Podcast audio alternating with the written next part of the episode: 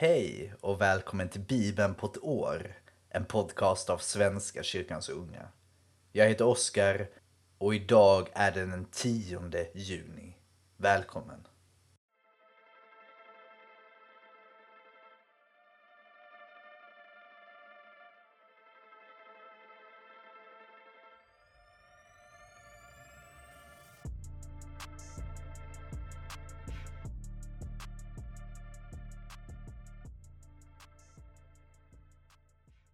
Vi ber.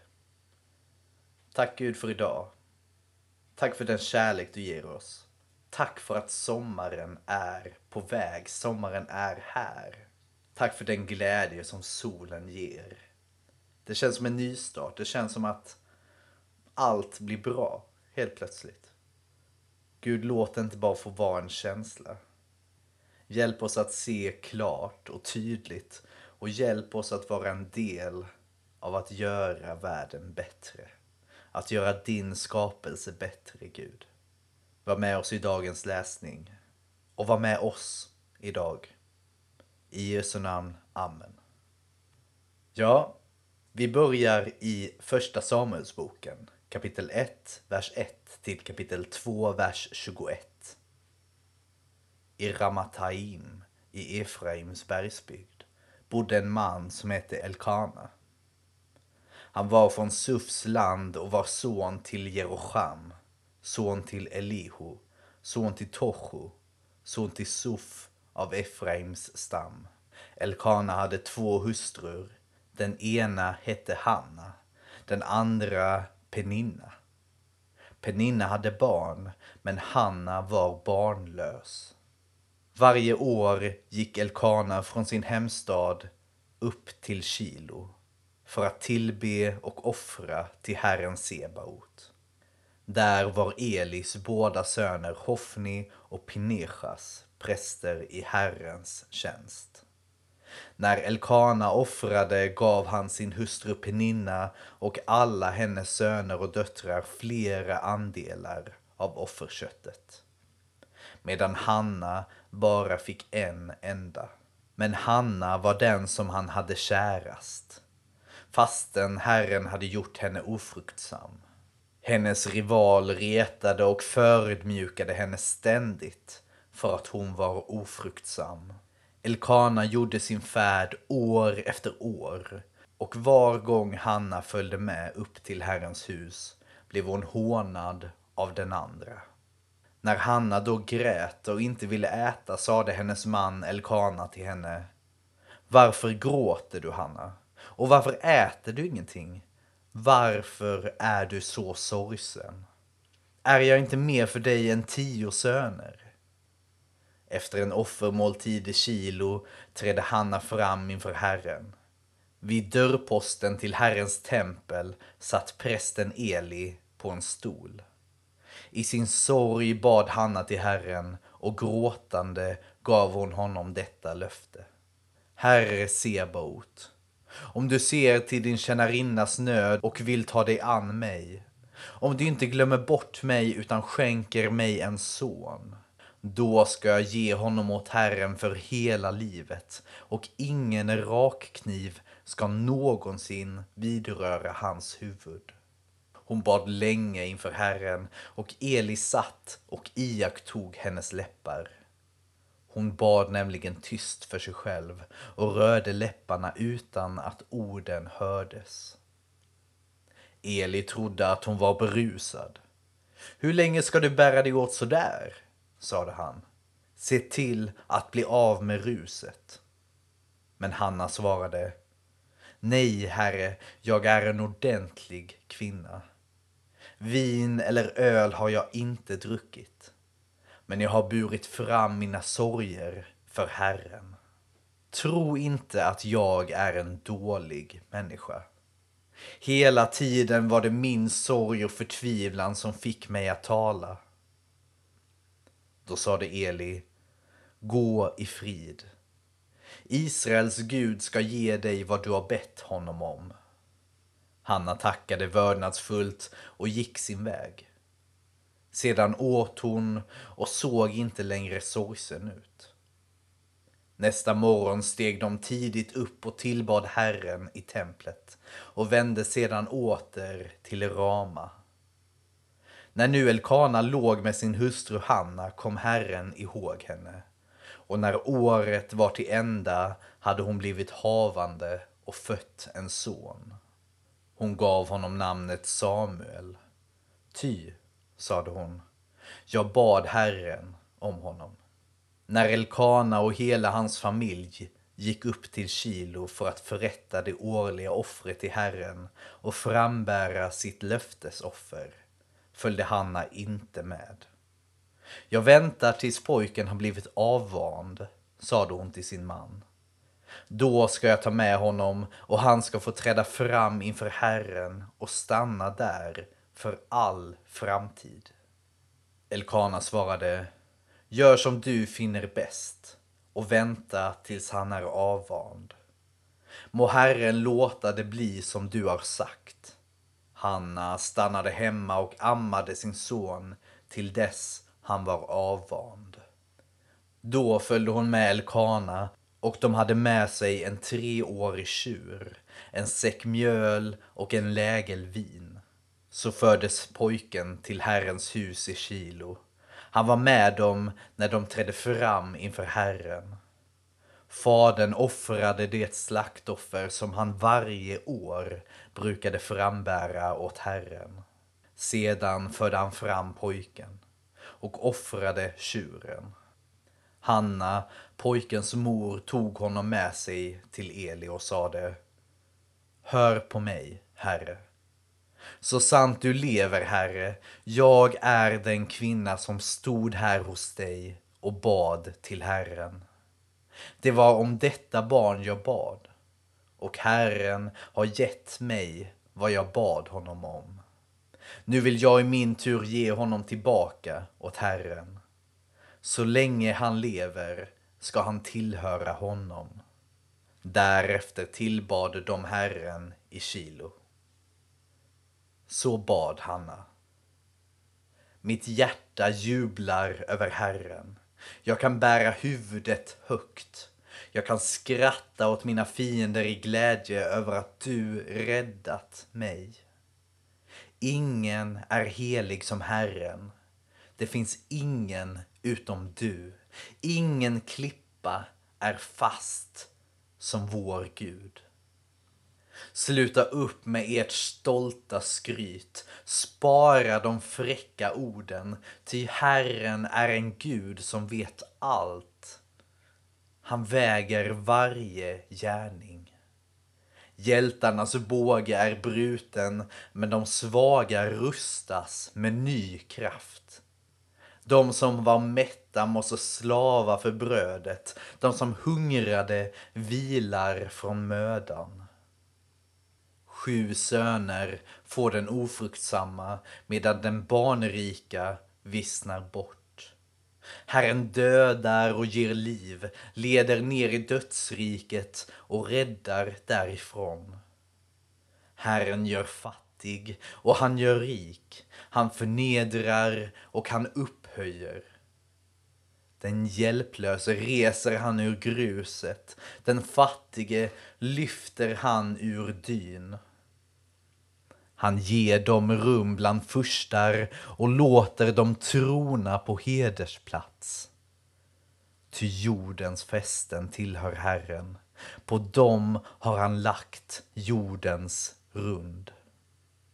Herren skyddar sina trognas steg, men de onda går under i mörkret. Av egen kraft lyckas ingen.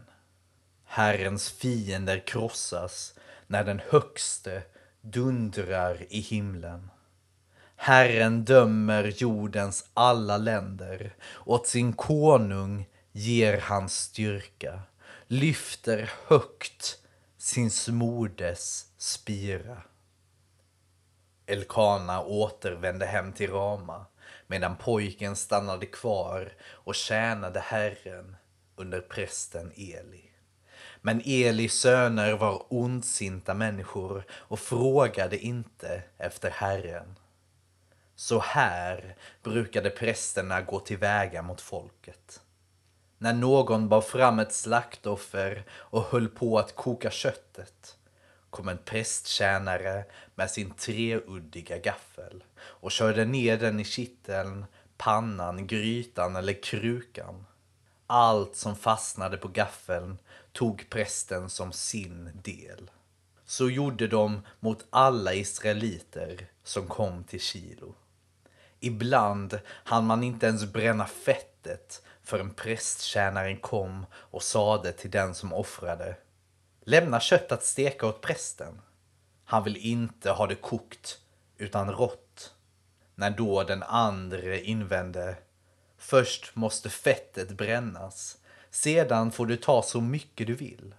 Svarade prästtjänaren att han ville ha köttet genast. Annars skulle han ta det med våld. De unga männen syndade svårt inför Herren själv när de på detta sätt vanhedrade hans offergåvor. Men Samuel gjorde sin tjänst hos Herren. Redan som gosse bar han en efod av linne. Varje år sydde hans mor en liten mantel åt honom och tog den med sig när hon och hennes man kom för det årliga offret. Då välsignade Eli Elkana och hans hustru och sade Må Herren ge dig barn med denna kvinna istället för den son som hon har lämnat åt Herren. Sedan gick de hem igen. Och Herren glömde inte Hanna. Hon födde ytterligare tre söner och två döttrar. Men gossen Samuel växte upp hos Herren. Ja, Samuel har alltså blivit en nasir. Man kan tänka sig en slags munk som tjänar Herren. Nasirer fick inte klippa sitt hår och fick inte varken äta eller dricka något som hade med druvor att göra, bland annat. Men spännande att Samuel tog sitt arbete på allvar och han tjänade Gud. Han tjänade Herren. Vi fortsätter i Johannes evangeliet, kapitel 5, vers 1 till 23. Sedan inföll en av judarnas högtider och Jesus gick upp till Jerusalem. Vid fårdammen i Jerusalem finns ett bad med det hebreiska namnet Betesda. Det har fem pelargångar och i dem låg en mängd sjuka, blinda, lama och lytta. Där fanns en man som hade varit sjuk i 38 år. Då Jesus såg honom ligga där och fick veta att han varit sjuk länge frågade han honom Vill du bli frisk? Den sjuke svarade Herre, jag har ingen som kan hjälpa mig ner i bassängen när vattnet börjat svalla. Medan jag försöker ta mig dit hinner någon annan ner före mig. Jesus sade till honom Stig upp, ta din bädd och gå. Genast blev mannen frisk och tog sin bädd och gick. Men det var sabbat den dagen och judarna sade till honom som hade blivit botad. Det är sabbat. Du får inte bära på din bädd. Han svarade. Den som gjorde mig frisk sade åt mig att ta min bädd och gå. De frågade. Vem var det som sade åt dig att ta den och gå? Han som hade botats visste inte vem det var, för Jesus hade dragit sig undan eftersom det var mycket folk på platsen. Efteråt fann Jesus honom i templet och sade till honom Du har blivit frisk. Synda inte mer, så att det inte händer dig något värre. Mannen gick då och talade om för judarna att det var Jesus som hade gjort honom frisk. Nu började judarna förfölja Jesus eftersom han hade gjort detta på en sabbat. Men han sade till dem min fader verkar ännu i denna stund och därför verkar också jag. Då blev judarna ännu ivrigare att döda honom eftersom han inte bara upphävde sabbatsbudet utan också påstod att Gud var hans far och därmed jämställde sig med Gud. Jesus vände sig till dem och sade Sannerligen, jag säger er. Sonen kan inte göra något av sig själv, utan bara det han ser fadern göra. Vad fadern gör, det gör också sonen. Fadern älskar sonen och visar honom allt vad han själv gör. Och ännu större gärningar ska han visa honom, så att ni kommer att häpna. Ty liksom fadern uppväcker de döda och ger dem liv, så ger också sonen liv åt vem han vill. Och fadern dömer ingen, utan har helt överlåtit domen åt sonen. För att alla ska ära sonen, liksom de ärar fadern. Den som inte ärar sonen ärar inte heller fadern som har sänt honom. Jag läser ur psalm 105, vers 37 till 45. Han lät Israel dra ut med silver och guld. I dess stammar sviktade ingen. Egypterna gladde sig när de drog bort, ty de hade gripits av skräck för dem. Han bredde ut ett moln till skydd och sände en eld att lysa om natten. De bad och han skickade vaktlar och mättade dem med bröd från himlen. Han öppnade klippan och vatten flödade, det rann som en ström i det torra landet. Ty han tänkte på sitt heliga löfte till sin tjänare Abraham och lät sitt folk dra ut med fröjd, sina utvalda dra ut med jubel. Han gav dem andra folks länder, de övertog frukten av deras möda för att de skulle hålla hans bud och lyda hans lagar. Halleluja. Ja, och då har vi kommit till slut till Ordspråksboken. Vi läser ur kapitel 14, vers 28 och 29. Talrik befolkning är kungens ära. Brist på folk blir furstens fall. Den tålmodige är full av insikt. Den hetsige ökar sin dårskap. Det var allt för idag kära vänner. Tack för idag. Hoppas ni har en underbar dag med fin sol, värme, glädje, frid. Vi ses imorgon igen. Ha det fint. Hej!